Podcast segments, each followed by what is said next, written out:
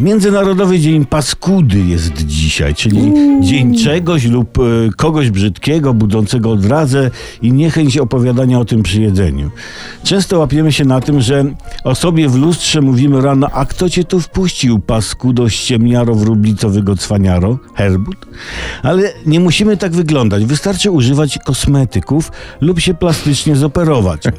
Ale do kosmetyków przejdźmy. Dla panów najlepsza będzie linia kosmetyków Old W skład której wchodzą woda do golenia i zakąska oraz woda po goleniu i po udzie. Dla pań warto polecić linię kosmetyczną Świat rozstępów, a w niej maść na celulitis na każde udo. Jej używanie już po krótkim czasie spowoduje, że panie będą mogły z dumą zaprezentować na plaży udo, które nabierze wyglądu przestrzennej mapy Tatr Wysokich. Szczególnie warte polecenia jest maść o nazwie Rozstępy Pięciu Stawów na bazie wyciągu ze szczyrku. Godna polecenia jest maść na wypadanie włosów na bazie łysoliny. No i sensację kosmetyczną polecam środek na suchą cerę. Aqua adekwatna, czyli woda. Jeśli skóra nam wyschnie, to polewamy ją tą wodą. I zabieg trzeba powtórzyć w razie ponownego wystąpienia objawów. I na koniec maseczki.